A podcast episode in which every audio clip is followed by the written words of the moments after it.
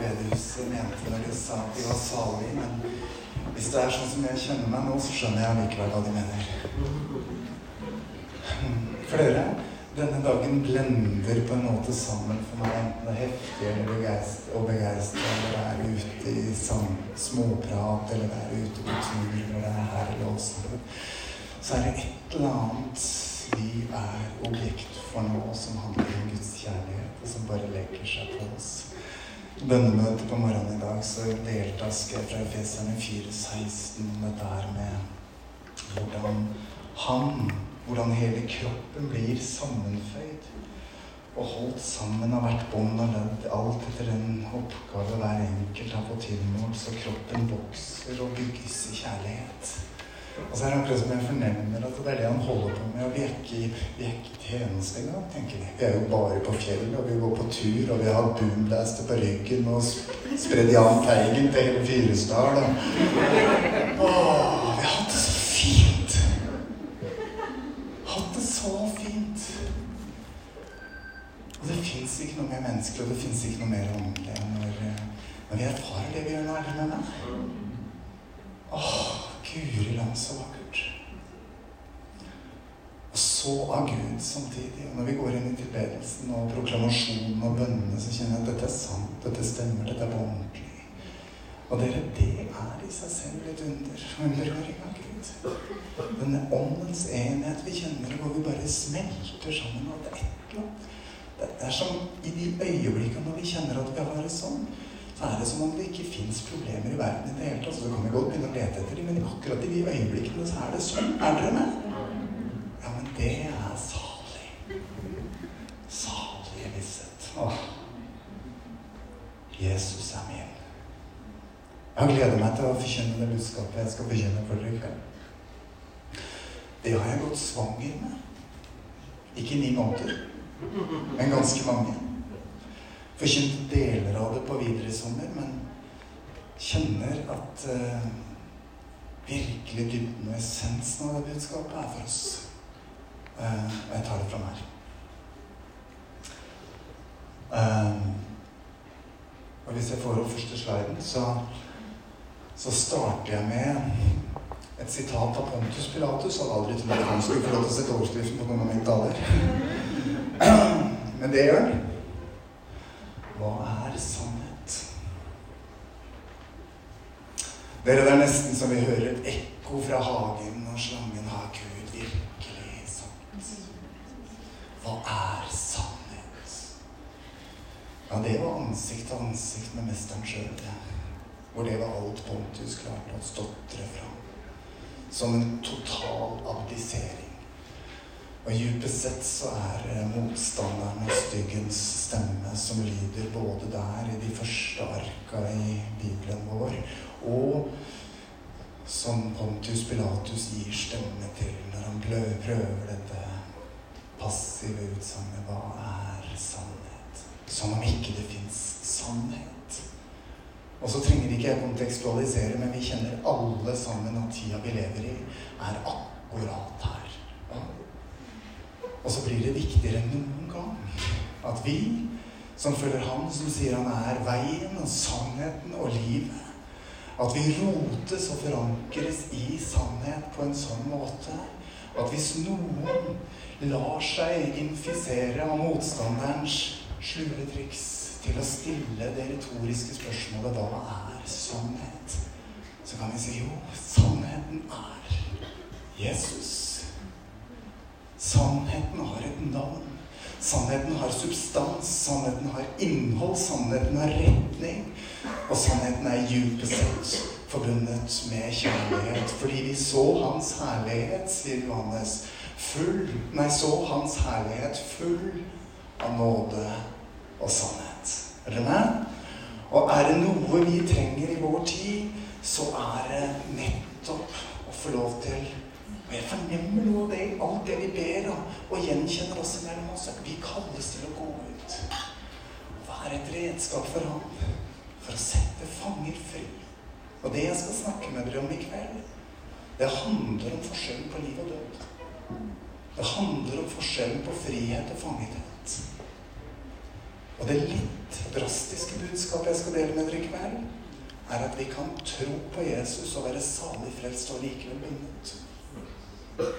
Nei, er det mulig? Ja da. Jeg er der fra tid til annen hvis jeg ikke er våken. Og vi kan det alle sammen.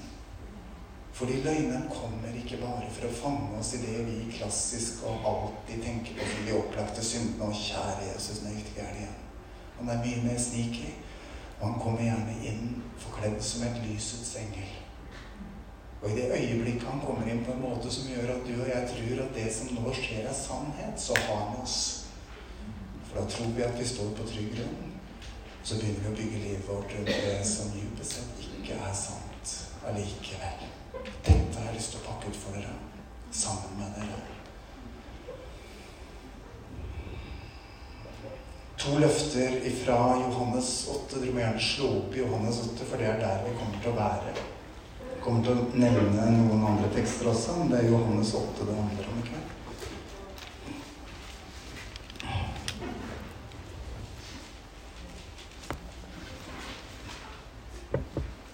Sannhet og løgn. Når jeg står foran dere og taler i kveld, dere, så taler jeg et budskap som er like aktuelt for meg i mitt liv. Jeg står her først og fremst som bror. Og som ektemann. Og som pappa. Dernest som prest og sjelesørger. Jeg vet at det jeg skal forkynne i kveld, det er superrelevant. Sannhet og løgn, kampen om tanken og tankekjøret er noe som tar oss alle sammen. Ingen av oss er fritatt. Dette når oss på ulike måter, alle sammen. Og noen av disse tingene er ikke så farlige. Det er småpludrerier. Men andre ting er virkelig kamper som får lov til å begynne å begrense oss og ta oss til en plass i livet vårt som overhodet ikke er godt. Jeg skal ta et eksempel på hvordan dette funker.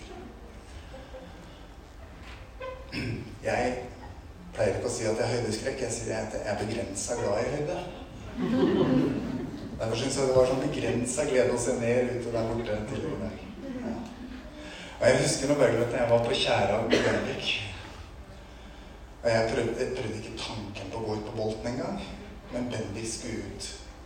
Og da skjer det noe helt sånn irrasjonelt til meg, fordi at tanken på hva som nå kan skje, setter i gang en loop inni her Inntil følelsene mine allerede gjennomlever det som kan se, og jeg levende forestiller meg min sønn på 18 år den gangen liksom i fritt fall 1000 meter ned fra den båten.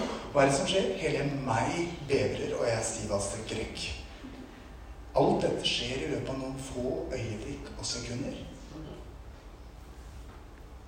Og det tar totalt hele meg. Hva har skjedd? En tanke har blitt en følelse som har blitt en virkelighet, som gjør at jeg står og sier 'Kjære Jesus, kjære Jesus', og kona griner. Og vi gleder oss til hvem de kommer inn fra den bolten igjen. Ja, men sånn virker det. Og det er ikke så farlig når vi er på Kjærag, liksom. Men hvis du begynner å handle om de virkelig viktige tinga i livet ditt, som om retningen i livet ditt, som karrierevalget, som valg av din ektemake, til andre fundamentale ting. Hvis frykt og angst og tvilstanker kommer inn på de arenaene, da spinner det rundt. Og da tar det tak i livet våre. Og det var ingenting å være redd for, rent konkret. Men tanken kan gå i loop og skape følelser allikevel som gjør at vi føler at dette er veldig på ordentlig. Vi kan ta neste bilde her. Da kommer vi inn på nettopp det her, bare sett opp alt. Frykten og tankespinnet kommer dypest sett av løgner vi har sagt ja til i vårt indre.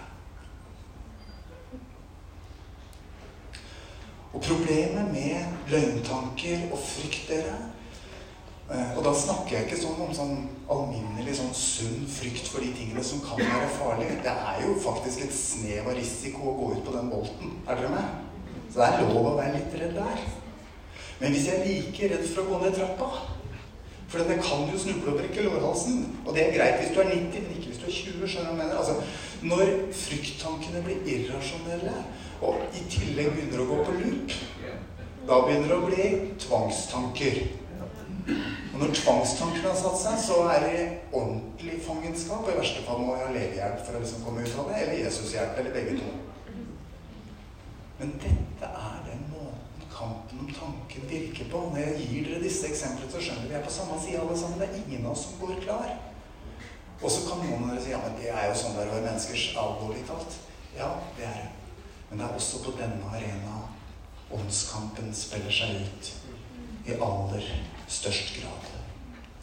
Poenget med frykt og med løgntanker er frykten gjør at vi bygger et gjerde. Og det er noen form for frykt som er sunn. Altså Hvis du bor oppå en høy topp og du har en skrent rett ned, så bygger du et gjerde. Det er lurt så ingen faller ned. Hvis du bor rett ved en trafikkert hovedvei, så setter du opp en port så ikke barna løper ut i veien. Det, det er et sunn frykt. Problemet med den frykten som går av hengsle og går i loop og begynner å bli tvangstanker, er at du bygger ikke bare ett gjerde. Du bygger to. Og du bygger tre. Inntil du bare har en liten plass på tunet igjen. Og hele bevegelsesfriheten din er borte. For det kan jo hende på å finne på at hvis måtte dersom det så Det er aldri godt å vite at det beste å være føre. Ikke sant? Da har kampen om tanken blitt et fangenskap som gjør at livet vårt blir veldig begrensa. Og så kan vi la dette lande på de plassene i livet hvor vi kjenner at sånn er det for meg på den plassen. Når det gjelder de tinga. Når det gjelder de relasjoner eller den virkeligheten eller hva det nå enn måtte være. Poenget for meg med å eksemplifisere dette er bare å si at Bibelen er full av utsagn om at vi ikke skal frykte. Fordi at frykten binder oss og begrenser oss. Hvis vi tar med frykt ikke og alle avartene, så er det 365 av de én for hver dag. For å minne oss om at vi skal stå rota i Jesus, som er sannhet. Og få sannheten frigjort oss, så blir vi virkelig fri. Ta neste bilde. En klok mann har sagt alt vi gjør i livet, gjør vi enten ut av kjærlighet eller ut av frykt. Bare tenk på ditt eget liv og det som motiverer deg. Noen av handlingene gjør det ut av kjærlighet. Vi som er foreldre, vi gjør uendelig mye ut av kjærlighet overfor barna våre. Men i det øyeblikket vi ber dem å ta på redningsvest idet de skal gå langs bryggekanten, så er det kanskje frykten og ikke kjærligheten som driver oss. Så det er et eller annet i dette landskapet her. Og vi må kjenne for oss selv. Hva er det djupest sett som driver oss? Og hvis vi holder oss til vårt eget liv og vår egen måte å forholde oss til kampen om tanken og dette spennet mellom løgn og sannhet, så har jeg lyst til å bli bruket en illustrasjon. Fordi følelsene våre, dere, er ikke en trofast veiviser. Vi lever i en tid hvor vi får høre at det som føles greit. Og det som kjennes sant for deg, er sant for deg. Men dere, det er like sant, eller like tåkete, som Pontius Pilatus sitt Hva er sannhet? Det ender i ingenting. Og da, jeg vet Nå skal jeg bruke et bilde. Dere som er 20 pluss eller under, for unnskyld meg, det er innmari gammeldags. Jeg skal ikke snakke om en GPS, jeg skal snakke om et godt, gammeldags kompass. Er dere med meg i det hele tatt? Har dere sett et kompass noen gang, liksom? Ok. Ok. Og alle 50 pluss ah, skjønner hva du mener? Det samme sier med deg. Ja, ja, og Sondre. Det er fint. Dere, hvis vi skal ut i terrenget og gå på fjellet, så er vi opptatt av å ha et kompass som virker. Det betyr at den kompassnåla den må svinge på seg, og den må gå mot magnetisk nord. Hvis den står fast så går vi ikke på tur med det kompasset. For det er klin umulig å orientere seg i terrenget. Uansett hvor vi snur oss, så peker den nåla rett fram. Det er sånn det er å leve ut ifra følelsene. Det peker rett fram, åkke sånn, og du snur deg. Og ta med deg det bildet her nå. Neste gang du tror at følelsene er definisjonen på sannheten og virkeligheten for deg og dine omstendigheter, Det eneste de følelsene forteller deg, er hva du allerede har tenkt og holdt for sant, og hva som er virkelig for deg nå. Det er det eneste følelsene forteller deg og meg. Følelsene våre forteller oss hva som er subjektivt sant for meg her og nå, i øyeblikket. Hvis du sjekker ut dine opplevelser og følelser i en setting med tre andre som var på samme sted, så får du tre andre. For de har opplevd det helt annerledes. Med andre ord følelsen er overhodet ikke kompasset. Hva er det som gjør at kompasset er til å stole på? Jo, det peker ut over seg selv og mot magnetisk nord. Og vårt magnetiske nord er Jesus. Han er vårt navigasjonspunkt. Han er vår sannhet. Han er det vi stiller inn kursen etter.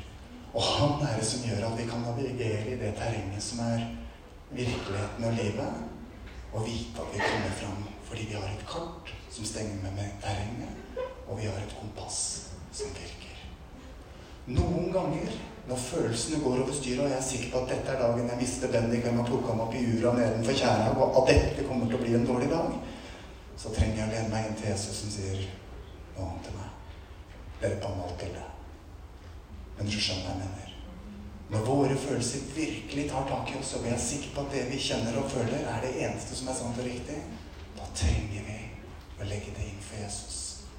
Og for gode kristne søsken som kan be på oss Sånn at Han som har gitt oss sin ånd, som er sannhetsånd, kan få lov til å lyse inn i vårt indre. Avsløre løgn, bekrefte sannhet og hjelpe oss til å korrigere kursen. Er dere med?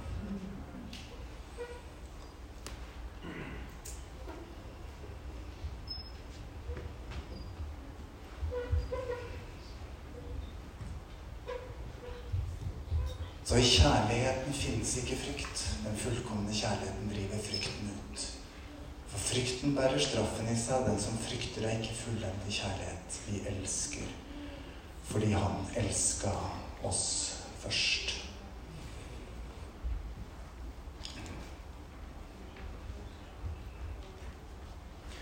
Det jeg har prøvd å si til dere med det bildet jeg delte dere nå Jeg tror dere kommer til å huske det kompasset det er at vi har ikke sannheten i oss selv. Det betyr ikke at følelsene ikke er viktige. I sjelesorgtimer, i samtaler på samtalesenteret, så er det du føler, fokus på all oppmerksomhet. Fordi det forteller noe viktig om der du er, den du er, hva du har erfart, og hva du har holdt for sant. Men det er den subjektive virkeligheten. Er dere med? Vi trenger å lene oss som fellesskap som enkeltmennesker til Han som er sannheten uten å være oppblåst og selvsikker. Og det er Jesus.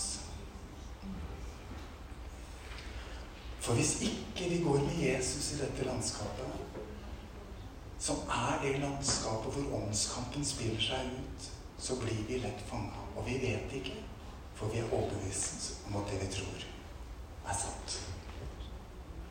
Og frykt og tankespinn blir da plassen hvor vi fanges. Da må vi lese litt i Guds ord sammen. La oss gå inn i Johannes evangeliet, eh, kapittel 8, fra vers 31.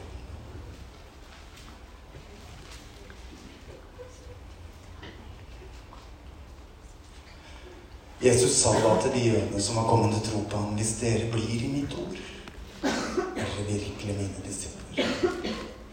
Da skal dere kjenne sannheten, og sannheten skal gjøre dere fri. De sa til ham, vi er Abrahams ett og aldri vært slaver av noen. Hvordan kan du si at vi skal bli fri? Jesus svarte, sannelig, sannelig, sier dere. Den som gjør synd, er slave under synden. En slave blir ikke i huset for alltid, men sønnen blir der for alltid. For sønnen frigjorde dere. Da blir dere virkelig fri. Jeg vet at dere er Abrahamsett, men dere ville drepe meg for deres ord, for mitt ord har ikke rom hos dere. Jeg taler om det jeg har sett hos far, og dere gjør det dere har hørt av deres far. Vår far er Abraham, svarte det. Jesus sa, Var dere Abrahams barn, gjorde dere som Abraham. Men dere vil drepe meg, et menneske som har sagt dere sannheten han har hørt av Gud. Det gjorde ikke Abraham. Dere gjør som deres egen far. Vi er ikke født i hor, sa de. Vi har én far, Gud. Jesus svarte. Og Gud deres far, da hadde dere elsket meg. For jeg har gått ut fra Gud og kommet fra ham.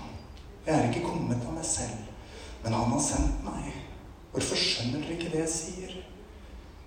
Fordi dere ikke tåler å høre mitt ord.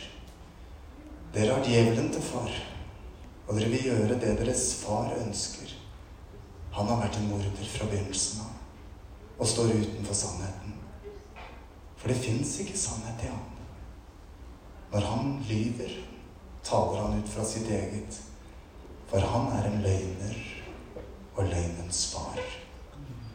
I noen oversettelser står det når han taler, taler han sitt morsmål. For han er en løgner og løgnens far.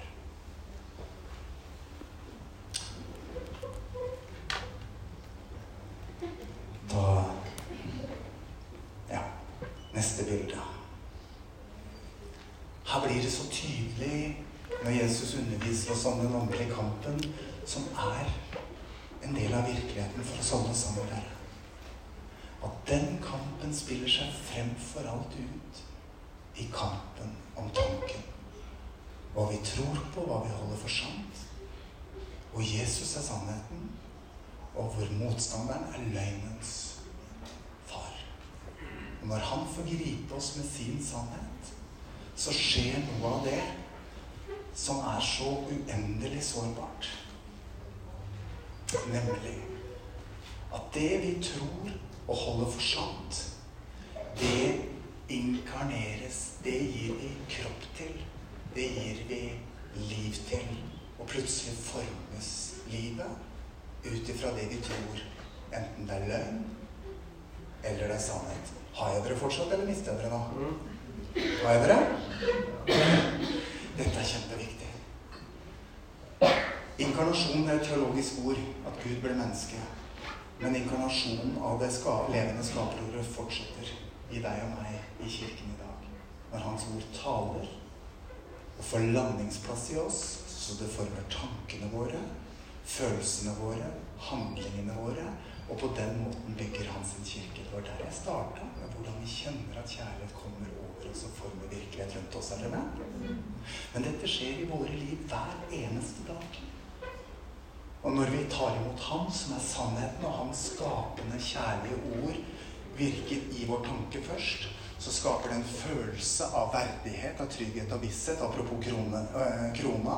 Og så går vi frimodig ut i dagen, og så inkarnerer vi, eller materialiserer vi, noe av det som er sant i Gud, i verden rundt oss. Og vi ber for en syk, eller vi osv.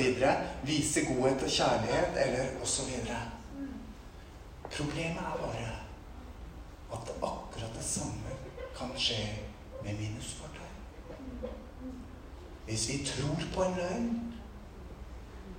så skaper den vonde følelser i oss som når de har vært der lenge nok, materialiserer seg i handlinger i livet og hverdagene våre og overfor de vi er glad i. Og plutselig materialiseres løgnen i livet vårt. Den er inkarnert. Den er kroppsliggjort. Fordi vi trodde ham. Og da er vi fanga. Og dette må vi være våkne på. Og det er derfor vi må kunne og bruke og leve andre korti. Vår, våre våpen er ikke fra mennesker, men har sin kraft fra Gud og kan legge festninger i grus. Vi river ned tankebygninger. Kampen om tanken. Og alt stolt og stort som reiser seg mot kunnskapen om Gud. Og vi tar enhver tanke til fange i løyet mot Kristus. Dere, før du og jeg begynner å handle på en tanke, hvor god dere enn syns han er, ta den til fange, legg den fram for Jesus og stol på at han ved sin ånd vil sanksjonere. Er dette sant og rett, eller er det ikke? Så viktig er dette. Fordi alt det vi tror og holder for sant, materialiserer vi. Gjennom følelsene våre først, og mellom oss dernest. Og enten forløser vi på den måten noe av Guds rikes virkelighet, eller det motsatte. Skjønner du? Dette er på ordentlig. Dette er så på ordentlig. Jeg tok i bibelskolen et eksempel. Jeg skal ta det for dere også. Dere, hvis løgntanken er Morten, du er ikke noe verdt. Og det er ingen som vil være venn med deg. Og parentes, da er jeg ikke pastoren. Så kommer jeg inn i Tønsberg frikirke. I, I øyeblikket du kommer inn i kapasitet av en rolle eller en funksjon, så, så slipper du billig unna. For da kommer du i kraft av rollen din. Det er verre å komme bare som seg selv. Er du med? Mange av oss henter argumentasjon og, og legitimasjon og verdighet og et eller annet fra det vi er og det vi kan levere, fremfor Er du med? Men hvis jeg bare kommer inn Morten i Tønsberg frikirke, og egentlig har jeg trodd den løgnen at det er ingen her som meg Det er ingen her som egentlig vil snakke med meg. Da kommer jeg inn på denne måten. Og jeg går ganske kjapt inn i sal fire og setter meg et eller annet sted på bakerste rad. Og når gudstjenesten er ferdig, før noen har rekt å lyse velsignelsen, kanskje til og med, så spretter jeg opp, og så løper jeg ut. Så går jeg hjem, og så sier jeg til meg selv hva det jeg visste? Det er ingen i den kjerka som bryr seg om meg. Det var ingen som så meg. Er dere med? Men poenget er at det jeg ikke er klar over, er at i det øyeblikket jeg kommer inn på denne måten her, så sender jeg signaler til hele omverdenen. Hold deg unna meg. Hold deg unna. Det mennesket jeg nå karikerer, kunne vært meg i en sammenheng. Kanskje har det vært deg i en sammenheng. Men problemet til det mennesket jeg karikerer, som når som helst kan være deg eller meg, er at vi tror en løgn som skaper følelser i oss, som materialiserer seg i handlinger overfor andre mennesker. Og så bekreftes de. Og da blir vi fanga i uvirkeligheten. Det er ikke virkeligheten. ah, men jeg følte det sånn. Jeg erfarte det sånn. Det er helt ordentlig. Ja. Men det er en materialisering av uvirkeligheten fordi du har trodd en løgn som har fått spille seg ut. Er du med? Og Det er derfor vi trenger hverandre som fellesskap. Og det er derfor vi på nytt og på nytt trenger å være i Ordet og i Ånden og i fellesskapet. For at ikke løgneren han som alltid har en og samme agenda stjele, drepe og ødelegge. Og han bryr seg ikke om han ikke får tatt livet av deg på en dag.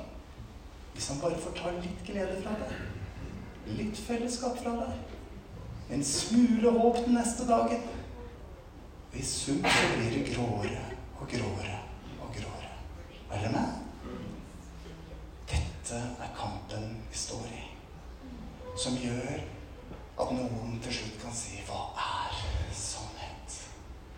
Fordi vi blir litt lost in space. Men vi som troens folk har et kall til å leve i dette her, dere. På en sånn måte at vi står forankra i sannhet. At vi står forankra i det livet som er i ham, sånn at vi har noe å bringe til den verden som er rundt oss, som lever i den type bundethet jeg snakker om.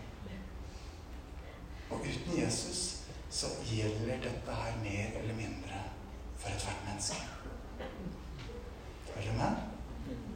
Ta neste bilde over her. En bok for de av dere som har lyst til å fordype dere litt. Den er veldig lesverdig.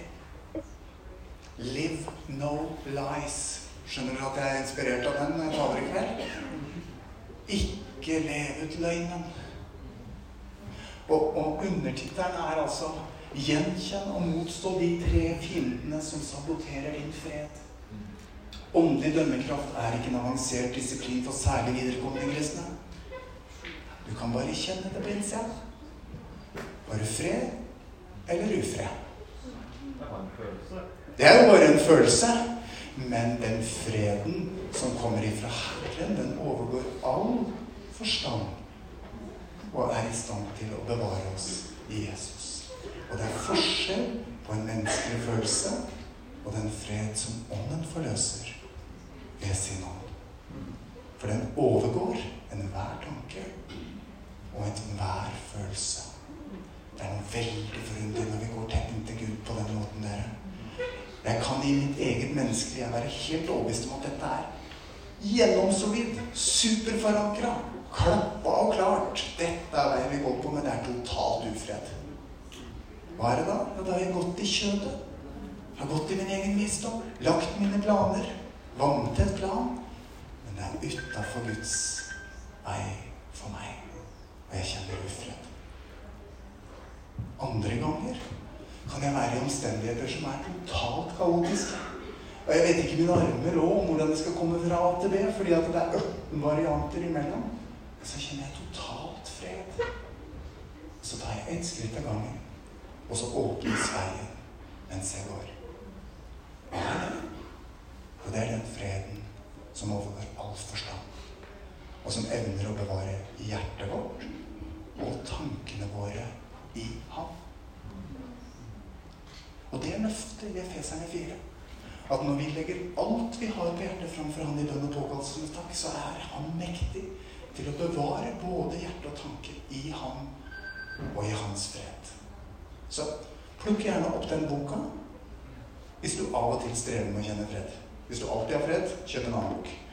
Men hvis du av og til strever med å finne den, så er den lur å lese. En av inspirasjonskildene hans er Ta neste sliden for meg. Og neste der igjen, faktisk. Evagrius Ponticus. Da er vi tilbake til ørkenfedrene.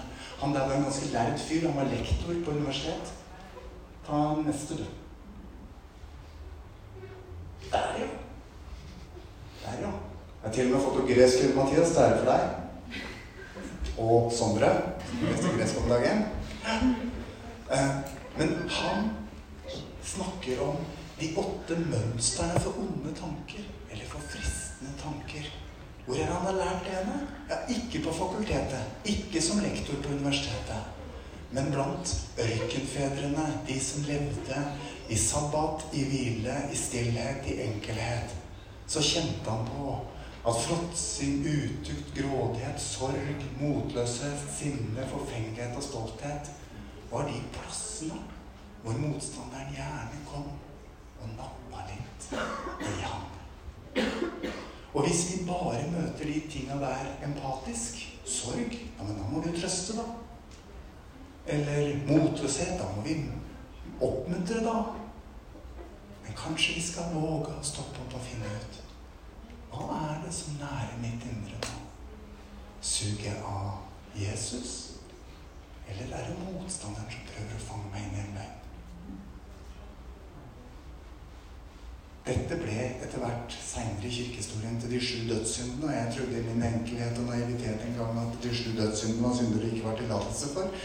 Og tilgivelse for. Det var ikke sant. Men det var de områdene hvor motstanderen bringer død inn i livet vårt. Tilbake igjen til den åndelige kampen. Er dere med?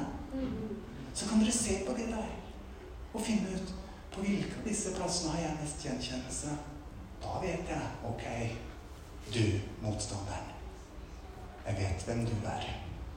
Og nå vet jeg til og med hvor du prøver å få has på meg. Men nå vet jeg det. Og da har jeg fått sannhet i livet mitt. Og sannheten setter fri. Motstanderen er en liten mus. Kampen mellom godt og vondt er ikke jevnbyrdig. Problemet er at når han får lov til å forkle seg med lønn, så får han kjempestor innflytelse. Og da kan han virke svær og skremmende. Men i det øyeblikk vi får nåde fra Jesus til å avsløre ham og fløse sannhet, så er han en liten mus som må innordne seg og komme seg ut av deg og meg og oss og den kirke som har sagt at vi er den familie og det folk som har Jesus der. Er dere med? Ja. Jeg skal lande inn dette ganske snart. Ta neste bilde. Dere, dette er det helt sentrale paradigmet. Se på det bildet der. Jeg er en løper. Men speilbildet forteller meg om Nei, bonde, faktisk. Men speilbildet forteller meg om konge. Hva er løgn, er sannhet? ved ordet og ved ånden og i fellesskapet så kan vi stå rota i sannhet. Og unngå at fienden vinner oss. Vi kan ta enhver tanke til fange i lydighet mot Kristus. Og Efeserne 4.: Vi har ikke en kamp mot kjøtt og blod, men mot makter og myndigheter og ondskapens ånd her i himmelen. Dette er virkeligheten. Og husk på den advarselen. da. Vi har ikke en kamp mot kjøtt og blod. Så i det øyeblikk du og jeg blir overbevist om at det er en bror eller søster som er problemet, så har vi trodd i hvert fall én, sannsynligvis en hel haug med løgner. For vår kamp er ikke mot kjøtt og blod, men mot makter og myndigheter. Ja, men han eller ja, men hun. Ja da. Fordi makten og myndighetene lander i tanker som skaper følelser som blir til handlinger. Men nå som vi vet det, så vet vi at den litt brysende bror eller søster er jo ikke problemet. Det er en elska bror, en elska søster, som vi skal fighte for. Men det som utspiller seg, er den kampen som vi vil gå klar av, og som vi vil gå med seier i. Dere, vi trenger ikke gjøre det så vanskelig. Det er bare to poler på batteriet. Det er pluss og minus. Hvilken pol tapper du fra? Det er ikke verre. Og samtidig så vanskelig. Men det krever transparenthet, ærlighet, ydmykhet. Det begynte å ligne på åndens luft, det der. Det krever Hellig Ånd og overgivelse til Jesus og til hverandre. Når vi lever overgitt til Jesus og overgitt til hverandre, så har ikke løgnen gode kår. Ta siste bilde, Håvard. Vi skal gå inn for landing. Når jeg ba inn denne kvelden, så fornemma jeg eh, Siste bilde. En, en, et til. Enda et. Der, ja. Se på det der.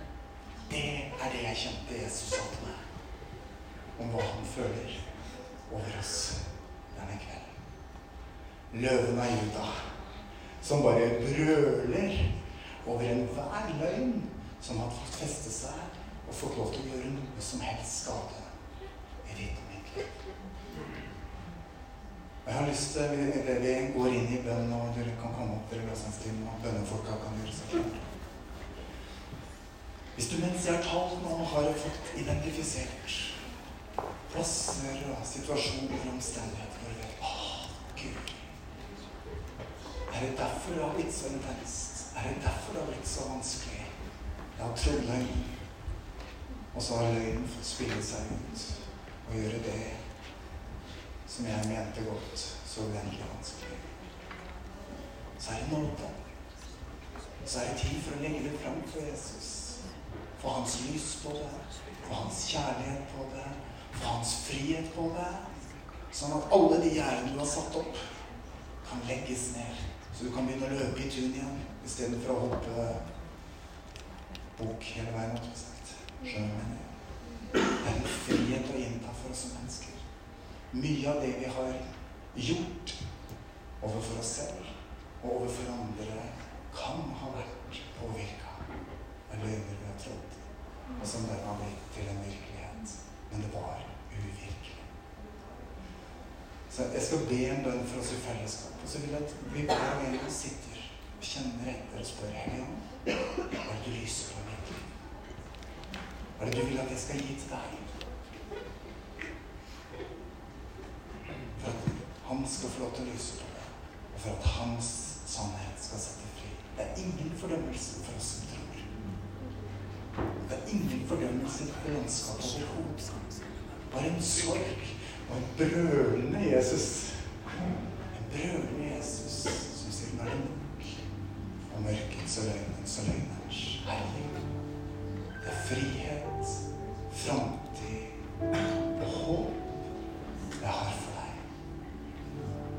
Og hvis du sitter nå med en sånn litt sånn forskremt følelse av Det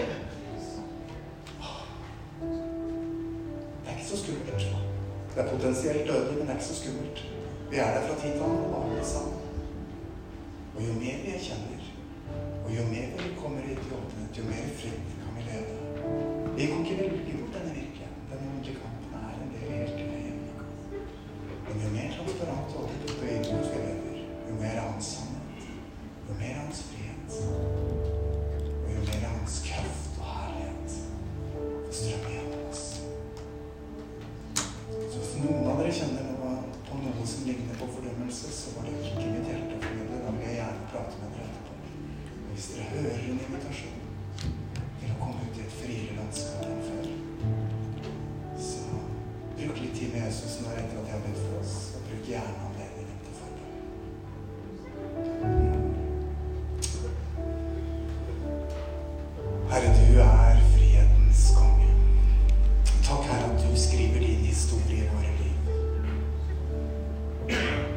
din sannhet, ditt skapende ord og din ånd av kjærlighet.